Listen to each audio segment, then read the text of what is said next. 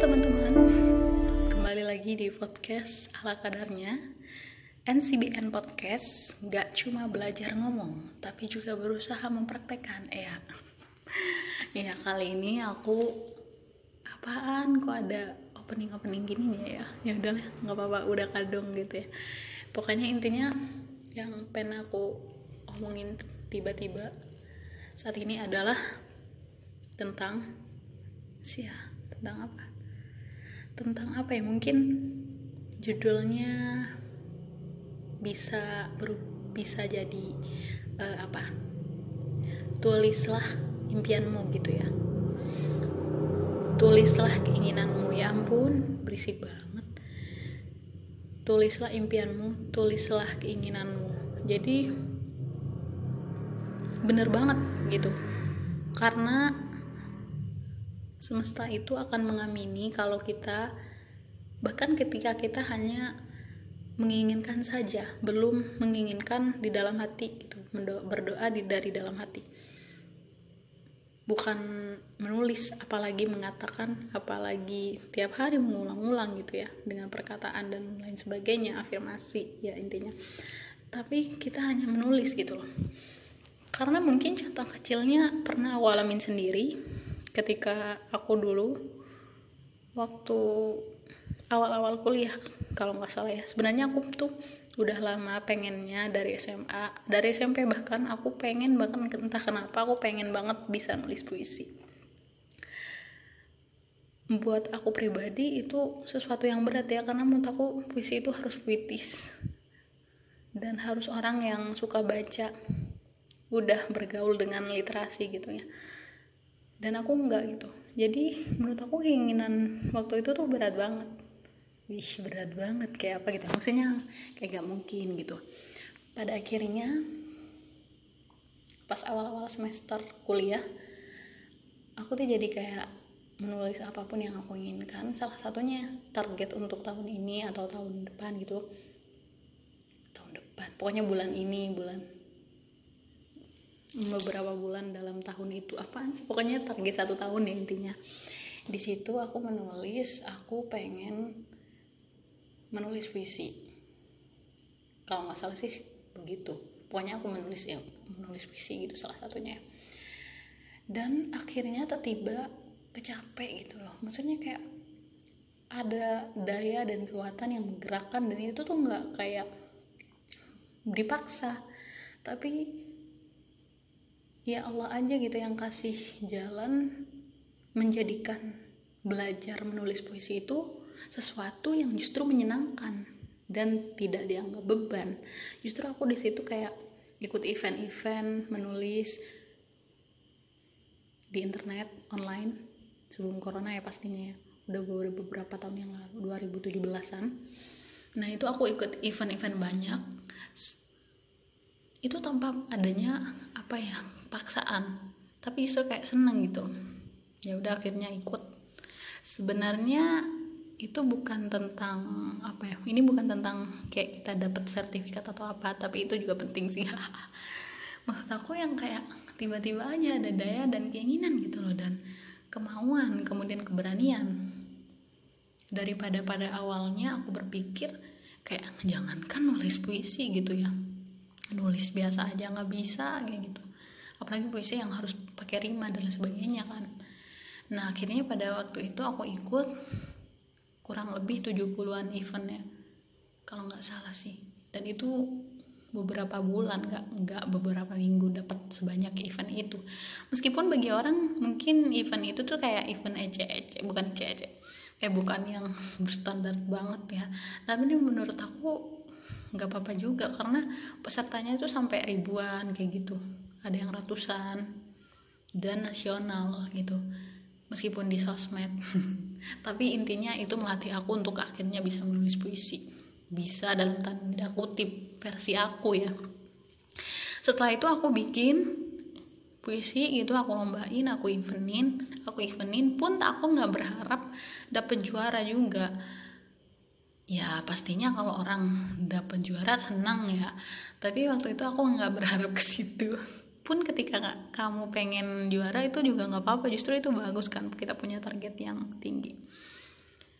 Dan singkat cerita beberapa tulisan yang aku eventkan itu yang aku ikutin event maksudnya itu masuk ke 20-an lebih antologi buku dari 70-an event itu ya tapi ya.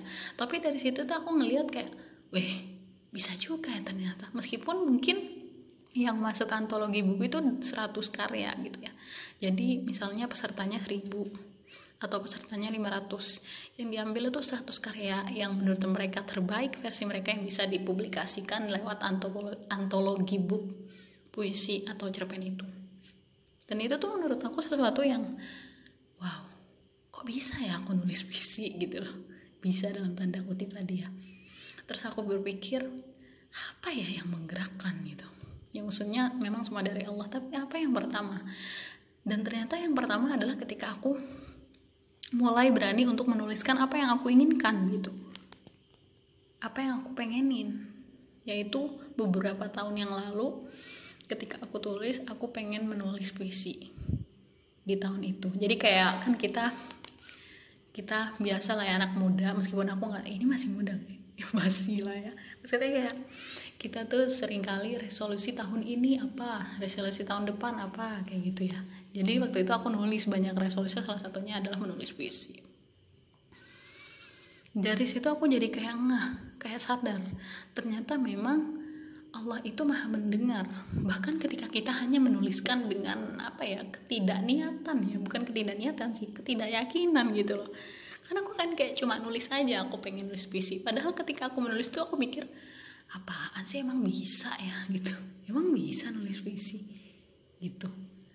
Jadi pun ini berlaku untuk menurut aku contoh-contoh besar lainnya mimpi-mimpi besar lainnya. Meskipun aku bilang tadi ini adalah sebuah contoh kecil tapi untuk hal lain tuh sangat berlaku menurut aku sih.